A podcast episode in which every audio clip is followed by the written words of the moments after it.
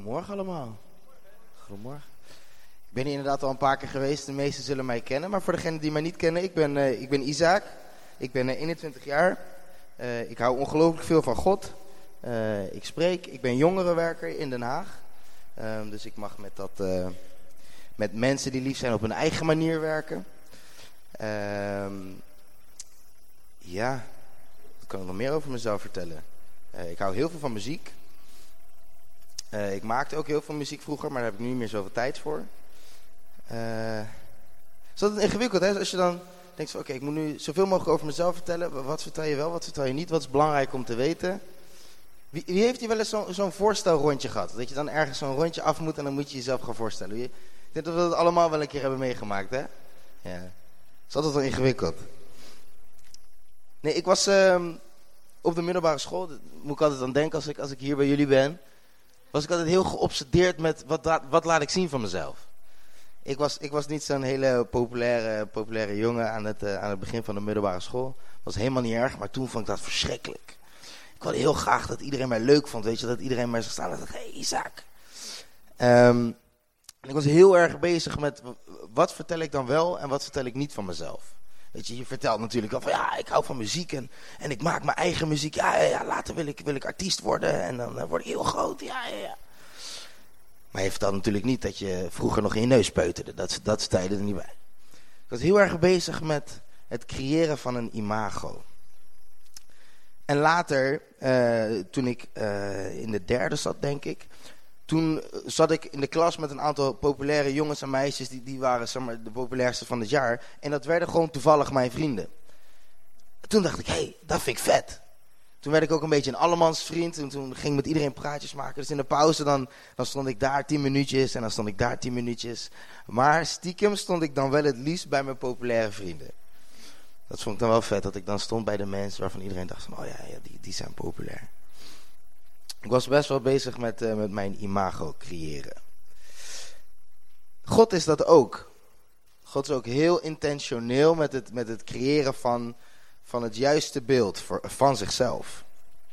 Um, ook bij mijn Bijbel vergeten, die ga ik even pakken. Dat is wel handig.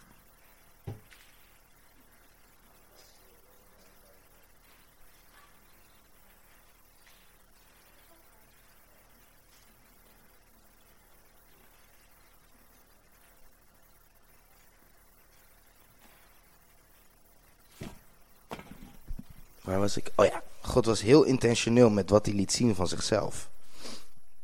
Um, God die is ongelooflijk groot, amen. Geen mens zal ooit volledig God kennen. Dat weet God. God weet dat zijn identiteit veel groter is dan, dan dat wij kunnen beseffen. Dus, alles wat hij van zichzelf laat zien, laat hij denk ik heel intentioneel zien.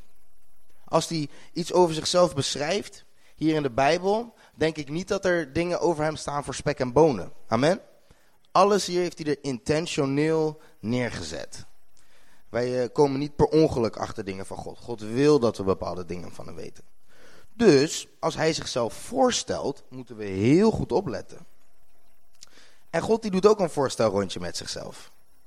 In Exodus 3, daar stelt hij zichzelf voor aan Mozes. En daar gaat hij zichzelf voorstellen. Dus dan moeten we goed opletten. Dit is niet alleen een, een, een tekst waar God um, uitlegt van uh, um, ik zit zo in elkaar en, en dit is hoe ik ben. Hij zegt, hey, ik ben die en die en zo en zo. Dat is belangrijk voor ons om goed op te letten wat hij daar zegt. Ik lees uh, vanaf Exodus 3 vers 1 tot 6. Daar staat... Mozes was gewoon de schapen en geiten van zijn schoonvader Jethro, de Midjanitische priester, te weiden. Eens dreef hij de kudde tot voorbij het steppenland. En zo kwam hij bij de Horeb, de berg van God. Daar verscheen de engel van de Heer aan hem, in een vuur dat uit een doornstruik opvlamde. Mozes zag dat de struik in brand stond en toch niet door het vuur werd verteerd. Ik zet hem even op pauze. Iets wat er in deze vertaling heel mooi staat, is dat Mozes zoals gewoonlijk de schapen en de geit aan het weiden was. En dat hij eens verder ging dan waar hij normaal heen gaat. Ik geloof dat dit voor iemand is, maar God die openbaart zichzelf vaak voorbij ons gewoon. Soms moeten wij even voorbij wat voor ons normaal is, voorbij ons eigen leefritme, om bij God te komen. Weet je, God is heilig. Het is de bedoeling dat wij naar Hem toe komen. Hij komt niet altijd daar waar wij zijn. Soms is het ook de bedoeling dat we Hem opzoeken voorbij ons normaal. Maar goed, dat is een heel andere preek. Ik ga verder. Vers 3. Hoe kan het dat die struik niet verbrandt? dacht hij. Ik ga het wonderlijke verschijnsel eens van dichtbij bekijken. Maar toen de Heer zag dat Mozes dat ging doen, riep hij hem vanuit de struik. Mozes, Mozes. Ik luister, antwoordt Mozes. Kom niet dichterbij, waarschuwde de Heer. En trek je sandalen uit, want de grond waarop je staat is heilig. Nou, hier komt het belangrijkste stuk. Ik ben de God van je vader. De God van Abraham, de God van Isaac en de God van Jacob. Mozes bedekte zijn gezicht, want hij durfde niet naar God te kijken. Daar was hij. Ik ben de God van je vader, de God van Abraham, de God van Isaac en de God van Jacob. Waarom stelt God zichzelf op die manier voor? Nou, in die tijd denk ik dat ze allemaal de verhalen van Abraham, Isaac en Jacob kenden. Dat waren bekende dingen, dus als God dit zei, dan wisten zij, oh, ja, die verhalen die heb ik gehoord. En ik denk dat God daarin intentioneel iets laat zien over zijn eigen identiteit. Um, ik denk dat God met elke naam die hij noemt iets specifieks bedoelt. Zo zegt hij bijvoorbeeld, ik ben de God van Abraham. Nou, wat bedoelt hij daarmee? Um, Abraham leefde heel dicht bij God. Abraham was iemand die, die had echt een vriendschap met God opgebouwd. Hij heeft een hele, hele vele bijzondere gesprekken gehad met God. Hier en daar vertelde hij wel technische leugentjes, uh, maar hij leefde in verbondenheid. En iets wat wij zien uh, van God in het leven van Abraham, is dat hij een God is die een eeuwigdurend verbond, aan, verbond aangaat met imperfecte mensen. God die, die, die belooft iets aan Abraham, die maakt een, een pact met hem, een afspraak. Waarvan hij eigenlijk al weet, ja Abraham, jij gaat die afspraak niet helemaal kunnen nakomen, maar toch maak ik hem met je. Toch ben ik trouw aan je. We zien ook dat God een God is die voorziet. Als we denken aan het verhaal waar, waar Abraham zijn zoon Isaac moet gaan offeren. En Abraham die gaat er gelijk achteraan en zegt, oké God, ik snap er niks van, maar ik, ik ga achter uw wil aan. En dat God op de berg tegen hem zegt van, nee, niet doen. En er zit een lammetje die die kan slachten. Dan kraamt Abraham ineens uit, ach, u bent een God die voorziet. Dus als God zegt, ik ben de God van Abraham, dan zegt hij ook, ik ben een God die voorziet in je nood. Ik ben een God die ervoor zorgt dat als je op mij vertrouwt, dat je nooit tekort komt. Isaac, prachtige naam trouwens, Isaac. Over Isaac lezen we niet zo heel veel in de Bijbel. Maar wat we wel lezen is dat hij ook een, een vriend was van God. Hij leefde ook dicht bij God. Um, wat we zien in het leven van Isaac is dat uh, Isaac flink heeft moeten bidden. Um, de, de belofte die God aan Abraham maakte over uh, ik zal je vele nakomelingen geven, dat vereist natuurlijk dat je wel nakomelingen kan krijgen. En um, Isaac die, die, die trouwt op een gegeven moment met Rebecca en dan komen ze erachter, hey, we hebben een klein probleem. Rebecca kan geen kinderen krijgen. Dus wat doet Isaac? Isaac die gaat vurig in gebed. Nou, als je het even uitrekent, heeft hij twintig jaar lang moeten bidden voordat Rebecca kinderen kreeg. Dat is best lang. Ik ben soms al wel een beetje klaar met bidden na tien minuten, maar twintig jaar is wel echt heel erg lang. Nou, wat laat God dus zien als hij zegt, ik ben, een, ik ben de God van Isaac? Daarin laten zien, hij is de God waarop we kunnen vertrouwen, ook alsof het voor ons lijkt, alsof alles in de soep loopt. Hij hoort ons, hij hoort onze gebeden. Nou, dan worden uiteindelijk dus Esau en Jacob geboren. Rebecca die wordt zwanger van een tweeling. Um, en dan is het dus even belangrijk om te kijken, wie is Jacob? Nou, uh, Abraham en Isaac leefden dicht bij God. Jacob was een gevalletje apart. Jacob die was ook lief op zijn uh, eigen manier. Um, hij was rustig, hij bleef het liefst bij de tent. Uh, daardoor hoorde hij denk ik veel van de verhalen van Abraham en Isaac zelf. Tegenovergesteld, uh, in tegenstelling tot zijn broer Esau. Esau die was een jager, die had heel veel haar, die was vooral in de wildernis en die, die was aan het jagen op de dieren. Die hoorde niet zoveel van de verhalen van zijn vader en van zijn opa. Ik denk dat daarom Jacob een heel goed besef had van de beloftes die God had gemaakt aan Abraham en Isaac. En Esau een stukje minder, want die was altijd aan het jagen. Nou, um, omdat Jacob zoveel hoorde over die beloftes, is hij denk ik ergens een beetje jaloers geworden. Dan hoorde hij van de, de, de, eerstgeborene recht, dat, die is van Esau, want die was als eerstgeboren van de twee. die mag zometeen verder wandelen in die beloftes van God. En Jacob dacht, maar die, ik wil die beloftes ook. Dus wat doet hij? Op een gegeven moment komt zijn broer, we kennen het verhaal wel, komt zijn broer, komt hongerig terug van het jagen. En dan zegt hij, oh Jacob, wat ben je daar aan het maken? Ik, ik wil wat van die soep.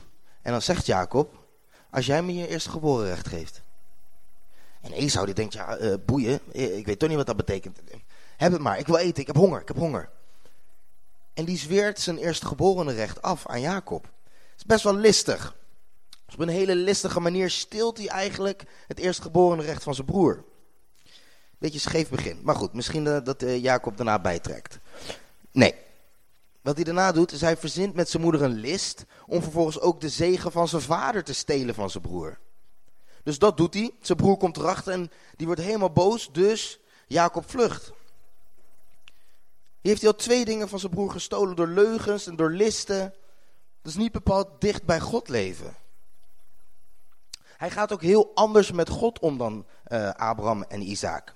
Als God op een gegeven moment beloftes aan hem heeft gemaakt nadat hij is gevlucht voor zijn, voor zijn broer, is hij de eerste die, die sancties zet aan God. Hij zegt, oké God, je moet dit doen, je moet dat doen, uh, en als je dit doet, dan mag je mijn God zijn. In plaats van dat hij dankbaar is voor de beloftes die God aan hem maakt. Jacobs naam overigens betekent ook verdringer. Even een hele andere vraag. Wie heeft er wel eens gehoord van phishing mails? Ja, we weten wat phishing mails zijn. Van die e-mails die worden gestuurd en dan willen ze je bankrekening hebben en dan gaan ze allemaal geld. Exact, die, die mails zijn niet welkom. Ik denk dat als Jacob nu had geleefd, dat hij van die phishing mails schreef. Dat denk ik. Dat denk ik echt. Een bedrieger, een verdringer. Ik denk dat hij zo iemand was die dan belde en zegt... er is iets mis met je computer. Ja, geef me je bankrekening, dan maak ik het wel weer goed. Ik denk dat hij een scammer was geweest als hij nu had geleefd. En ik moet jullie eerlijk zeggen, toen ik voor het eerst uh, Genesis aan het lezen was... was ik best wel gefrustreerd ook over Jacob. Weet je, dan heb je net allemaal die mooie verhalen gelezen over Abraham en Isaac... en dan zie ik wat Jacob aan het doen is en denk ik... man, dat is gewoon normaal. En waarom is dit zo belangrijk om te beseffen... Net als dat, dat, dat Abraham verandert naar Abraham, verandert Jacobs naam later ook naar Israël. Maar God zegt hier niet in Exodus tegen Mozes, ik ben de God van Israël. Hij zegt, ik ben de God van Jacob. Wat gek. Nou, wat bedoelt God daarmee? Ik denk dat God daarmee bedoelt, ik ben de God die houdt van de imperfecte mensen. Ik ben een God van die mensen die niet perfect zijn. Ik ontmoet ze waar ze zijn. En wat God dus eigenlijk zegt tegen Mozes, door te zeggen, um, ik ben de God van Jacob, net zoals dat ik eigenlijk het liefst bij mijn populaire vrienden stond, vroeger in de middelbare school, zegt God dus, als er allemaal groepjes zijn, dan wil ik bij Jacob gaan staan. Dan wil ik niet alleen maar bij Isaac en bij Abraham, ik wil ook staan bij de jongen die jullie hebben afgewezen. Ik wil ook staan bij de jongen die jullie heeft gescamd, die, die listen bedenkt om mensen erin te luizen. Ik wil ook bij hem staan. Dat is best wel mooi, maar ook wel ingewikkeld. Hij wilde zichzelf identificeren met Jacob. Nou, waarom is dat, waarom is dat belangrijk voor God? Waarom zegt God nu dus, ik ben de God van Waarom is het belangrijk dat wij dat weten? Dat zegt iets over Gods liefde, over zijn genade en zijn obsessie met ons. De Vandalen zegt, obsessie vind ik een heel mooi woord. De Vandalen zegt dat obsessie betekent uh, dat wat iemand onophoudelijk in zijn gedachten bezighoudt.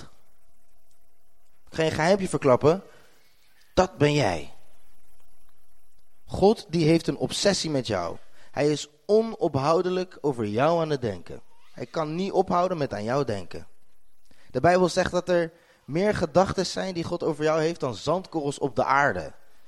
Dat is echt immens veel. In Exodus 34 vers 6 staat dat God liefdevol, genadig, geduldig, trouw en waarachtig is. In 1 Corinthians 13 vers 4 tot 7 staat er, de liefde is geduldig en vol goedheid. De liefde kent geen afgunst. Geen ijdel vertoon, geen zelfgenoegzaamheid. Ze is niet grof en niet zelfzuchtig. Ze laat zich niet boos maken en rekent het kwaad niet aan. Ze verheugt zich niet over het onrecht, maar vindt vreugde in de waarheid. Alles verdraagt ze, alles gelooft ze, alles hoopt ze en in alles volhardt ze. In de Engelse vertaling staat er, liefde houdt geen register bij van misstanden of fouten. Kunt u dit zich voorstellen? Dat u naar iemand kijkt en dat u niet denkt, oh die heeft dit en dit fout gedaan, maar dat u alleen maar kan denken, ah wat hou ik van die persoon. Dat is hoe God naar ons kijkt. Als God dus kijkt naar Jacob, dan ziet hij niet al die listen die Jacob heeft gedaan. Dan ziet hij zijn geliefde zoon. Terwijl Jacob aan het liegen en bedriegen was, was God hem trouw. Sterker nog, God wist van tevoren al dat dit zou gebeuren. Voordat God überhaupt de belofte maakte aan Abraham, wist God al Jacob, die gaat zich zo opstellen, die gaat dit doen. Hij zegt ook tegen Rebecca op een gegeven moment, uh, je, hebt twee, uh, eigenlijk twee kinderen in je buik. De ene zal machtiger worden dan de ander. De ene, de jongste, oh sorry, de oudste zal de jongste dienen. God wist van tevoren al wat Jacob allemaal zou gaan doen. Wat zegt hij daarmee? God had een plan en ongeacht hoe Jacob zich gedroeg, bleef hij bezig met dat plan. Wat betekent dat voor u, voor jou? God is niet boos. Gods geduld is niet op. God houdt je fouten niet bij. Wees niet bang dat jij het verpest, want Gods plan hing vanaf het begin al niet af van jouw perfectie. Ook als jij het fout doet, blijft Gods plan werken. En toen Jacob met een open hart God benaderde, kon God hem veranderen naar Israël. Een man die net als Abraham en Isaac uiteindelijk wel, God was, uh, wel trouw was aan God. Wel streefde naar de wil van God. Nou, ik wil hier wel iets belangrijks bij zeggen. Want dit, dit laat iets zien over Gods genade. Over hoeveel je eigenlijk God kan flikken zonder dat God op een gegeven moment zegt, jou hoef ik niet meer. Dat is geen uitnodiging om te doen wat je wil. De Bijbel is duidelijk. De Bijbel zegt nergens, eeuw, zin, uh, zonde is niet goed, maar God is genadig, dus doe maar wat je wil. De Bijbel zegt iets heel anders. Het is de bedoeling dat wanneer Gods liefde in ons komt wonen, dat dat ons verandert. Dat wij op een gegeven moment ook van Jacob Israël worden. Want wij waren met z'n allen eerst dood in onze zondes. Jezus is voor ons gestorven en toen we hen aannamen, toen we hem aannamen als onze redder, toen werden wij veranderd. Nou, oké, dat was mooi. Um, het is belangrijk dat we blijven testen of dit soort dingen kloppen. Of het klopt wat, wat, wat ik hier allemaal heb gezegd. En ik denk dat een, een, een mooie rule of thumb, een mooi ezelsbruggetje is om te onthouden. Als wij iets denken te zien over het hart van God de Vader, uit bijvoorbeeld het Oude Testament, dan kunnen we altijd controleren of dat klopt aan de hand wat Jezus doet. De enige manier waarop wij God de Vader kunnen leren kennen is door Jezus, naar Jezus te kijken. Amen. Zoals we net zeiden, hij is de enige weg tot de Vader. Omdat Jezus de perfecte manifestatie is van het hart van God, weten wij wie de Vader is. Dus, als dit klopt, als God inderdaad zegt, hé, hey, in de pauze wil ik gaan staan bij die bedrieger, bij die jongen waar jullie niks van wilden hebben, dan zouden we moeten zien dat Jezus dat ook doet. Dus ik ben even door het Nieuwe Testament heen gegaan. En toen dacht ik, ja, ja, dat doet Jezus ook. Zo denk aan het verhaal van Jezus en Zacchaeus bijvoorbeeld. Ik lees, uh, ik lees uit Lucas 19, vers 1 tot 9. Jezus ging Jericho in en trok door de stad. Er was daar een man die Zacchaeus heette, een rijke hoofdtollenaar. Hij wilde Jezus zien, om te weten te komen wat voor iemand het was. Maar dat lukte hem niet vanwege de menigte en hij was klein van stuk. Daarom liep hij snel vooruit en klom in een vijgenboom om Jezus te kunnen zien wanneer hij voorbij kwam. Toen Jezus daar langs kwam, keek hij naar boven en zei, Zacchaeus, kom vlug naar beneden, want vandaag moet ik in jouw huis verblijven. Zacchaeus kwam meteen naar beneden en ontving Jezus vol vreugde bij zich thuis. Allen die dit zagen, zeiden morrend tegen elkaar, hij is het huis van een zondige mens binnengegaan om onderdak te vinden voor de nacht. Dit is wat Jezus doet. Nou, een, een hoofdtollenaar. Wij zijn niet meer zo bekend met, met, met het begrip hoofdtollenaar of tollenaar in het algemeen. Um, ik kijk nu de, de, serie Chosen, is een hele mooie serie over, over Jezus en het leven van Jezus. Uh, daar laten ze ook mooi zien wat het precies betekent om een tollenaar te zijn. Tollenaar, dat waren, dat waren vaak mensen van, van het eigen volk die dachten, oké, ik ga toch de, de Romeinen helpen. Dat waren de tegenstanders, die, die verdrukten het volk om geld op te halen. Het waren eigenlijk verraders. Het waren mensen die tegen hun eigen volk uh, hun rug keerden. En van hun veel te veel geld namen. Wat een tollenaar vaak deed, is als de Romeinen zeiden van we moeten bij wijze van spreken van elk huishouden 40 euro, hadden, of, uh, 40 euro hebben. Dan zei de hoofdtollenaar tegen die persoon, ja sorry het is omhoog gegaan, het is nu 80. Want die overige 40, dat was hun eigen loon. Ze namen veel te veel geld van hun eigen volk. Zelfs als dat hier in de gemeente iemand zegt, weet je wat, de, de, de, gemeente die moet geld hebben, we moeten belasting betalen, maar ik ga het voor ze ophalen en ik doe er 100 euro bovenop. Ik denk niet dat ze hier vrienden zouden maken in de gemeente op die manier. Dat is wat een tollenaar was. Maar Zacchaeus is een rijke hoofdtollenaar. Een tollenaar der tollenaars. Dat betekent dat hij waarschijnlijk de prijs heel, heel, heel erg hoog heeft gezet. Dat hij echt alles heeft uitgebuit van zijn eigen volk. Dat zorgde ervoor dat tollenaars de reputatie hadden van een verkrachter of een pedofiel in deze tijd. Klinkt best heftig, maar dat is hoe ze werden behandeld. Ze werden uitgekotst door de maatschappij. Als daar dus om Jezus, want Jezus die liep daar door Jericho heen. Als daar al die, ik kan me voorstellen, allemaal leiders, de, de, de predikanten van tegenwoordig, de mensen met een grote naam. Mensen die denken dat ze veel voor Jezus hebben gedaan. Die liepen achter Jezus aan. Want ik denk dat ze echt zo, Jezus, Jezus, ik heb dit voor u gedaan. En oh, ik heb zoveel gedoneerd aan de kerk. En ik heb, ik heb dit, ik ben voor u gereisd naar Afrika. En dat we allemaal verwachten dat Jezus dus naar ons toe komt. Maar wat doet Jezus? Naar degene die iedereen heeft uitgekotst. En hij zegt, bij jou wil ik vanavond eten. Dat is bijzonder. Hier zien we dus weer dat hart. Zacchaeus was echt nog wel een stukje erger dan Jacob. Als, als uh, anders gezegd, als Jacob een scammer was, dan was Zacchaeus zijn baas. Met die verschrikkelijke reputatie zei Jezus, met jou wil ik gaan zitten, met jou wil ik geïdentificeerd worden. Wat gek. Dat is niet iets wat wij zouden zeggen bij ons voorstelrondje. Ik in ieder geval niet. Ja, de helft van mijn beste vrienden die zijn allemaal dakloos. En um, verder, uh, ja, mensen met heel weinig geld, daar, uh, daar ben ik vaak mee. En uh, verder niemand met aanzien, nee, daar, daar ben ik niet zo'n fan van. Dat is eigenlijk wat Jezus zegt. Hij zegt, gezonde mensen, die hebben geen dokter nodig. Ik ben gekomen voor de zondaars. Voor mensen zoals jij en ik. Dat vind ik een, een, een bijzonder aspect van, van het hart van God. Dat dat is hoe hij wil dat wij hem kennen. Als iemand die een verbond wil aangaan met imperfecte mensen. Als iemand die liefde heeft voor de mensen die het echt nodig hebben. Voor de mensen die het leven hebben verprutst.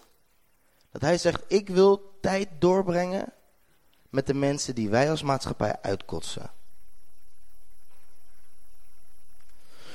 Nou is de bedoeling dat wij op Jezus gaan lijken. Dat wij als, als gemeenschap, als kerk kunnen zeggen van wij strekken ons ook uit naar deze mensen. Dan ga ik een hele vervelende vraag stellen, maar hoeveel strekt u zich persoonlijk uit naar de mensen in de maatschappij die het het meeste nodig hebben? Heeft u zo'n sponsorkind? Gewoon zodat u weet voor zichzelf, ja, ik ben wat aan het doen. Of gaat u wel eens buiten uw normaal, buiten uw leefritme? Gaat u wel eens uit uw eigen weg om een dakloze te helpen? Of iemand die de maatschappij heeft uitgekotst? Zet u daar wel eens tijd voor opzij? Jezus die, die plande zijn hele reis om die mensen heen. Dat was zijn agenda. En ik weet zeker dat u al lang met Jezus wandelt en al veel met deze dingen bezig bent geweest. Maar ik wil u gewoon vragen, zijn er meer dingen die we kunnen doen? Niet alleen voor Jezus, maar voor die mensen. Ik ga kort nog een stukje uit, uit de, de, de, de preek op de, op de berg lezen die Jezus had. Dat vond ik een hele mooie preek die hij gaf. Daar heeft hij een heleboel verteld en in de Chosen zeiden ze iets ongelooflijks moois. In de Chosen zeiden ze, of uh, lieten ze Jezus vertellen dat hij, dat hij wilde beginnen met een map. En dan hebben ze het over het stuk tekst waar staat: Gelukkig wie nederig van hart zijn, want voor hen is het koninkrijk van de hemel. Gelukkig de treurende, want zij zullen getroost zijn. Gelukkig de zachtmoedigen, want zij zullen het land bezitten. Gelukkig wie hongeren en dorsten naar gerechtigheid, want zij zullen verzadigd zijn. Gelukkig de barmhartigen, want zij zullen barmhartig ondervinden. Gelukkig wie zuiver van hart zijn, want zij zullen God zien. Gelukkig de vredestichters, want zij zullen kinderen van God genoemd worden. Gelukkig wie vanwege de gerechtigheid vervolgd worden, want voor hen is het koninkrijk van de hemel. Een map Omdat Jezus zegt, als je mij zoekt, ga dan naar die mensen toe. Daar ben ik. En voor mij beschrijft dit stuk iemand met zo'n hart als God. Iemand die uitstapt en het, het, het hem niet uitmaakt. hoe kijken mensen naar mij? Zoals ik vroeger dat deed, dat je dan uiteindelijk zegt: Het maakt me niet meer zoveel uit of ik populair ben, of ik word geïdentificeerd met, met mensen die een naam hebben gebouwd voor zichzelf. Ik ben met de mensen die nederig zijn van hart. Ik ben met de mensen die zeggen: Ja, ik, ik, ik ga vandaag mijn weg uit. Ik, ik ga wat eerder van huis, zodat ik een dakloze wat, wat eten en drinken kan geven. Ik ga, ik ga out of my way om ervoor te zijn voor de mensen die het het meeste nodig hebben. Ik kijk om naar de mensen die niet gezien worden. En ik denk dat wij daar Jezus mogen ontmoeten, op die plekken. Door onszelf op die manier opzij te zetten.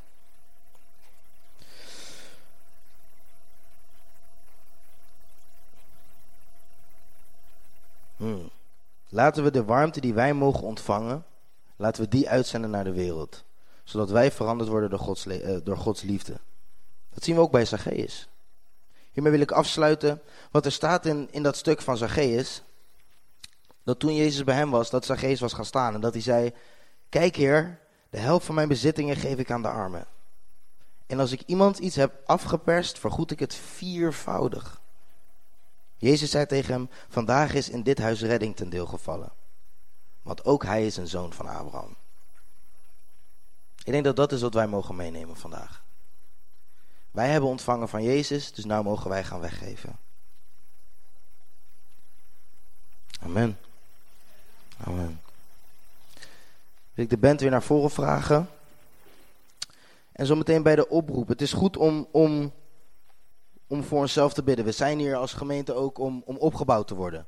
Maar ik denk dat het ook belangrijk is om, om eens aan God te vragen om hulp. Om God eens te vragen, kunt u mij vandaag helpen? Niet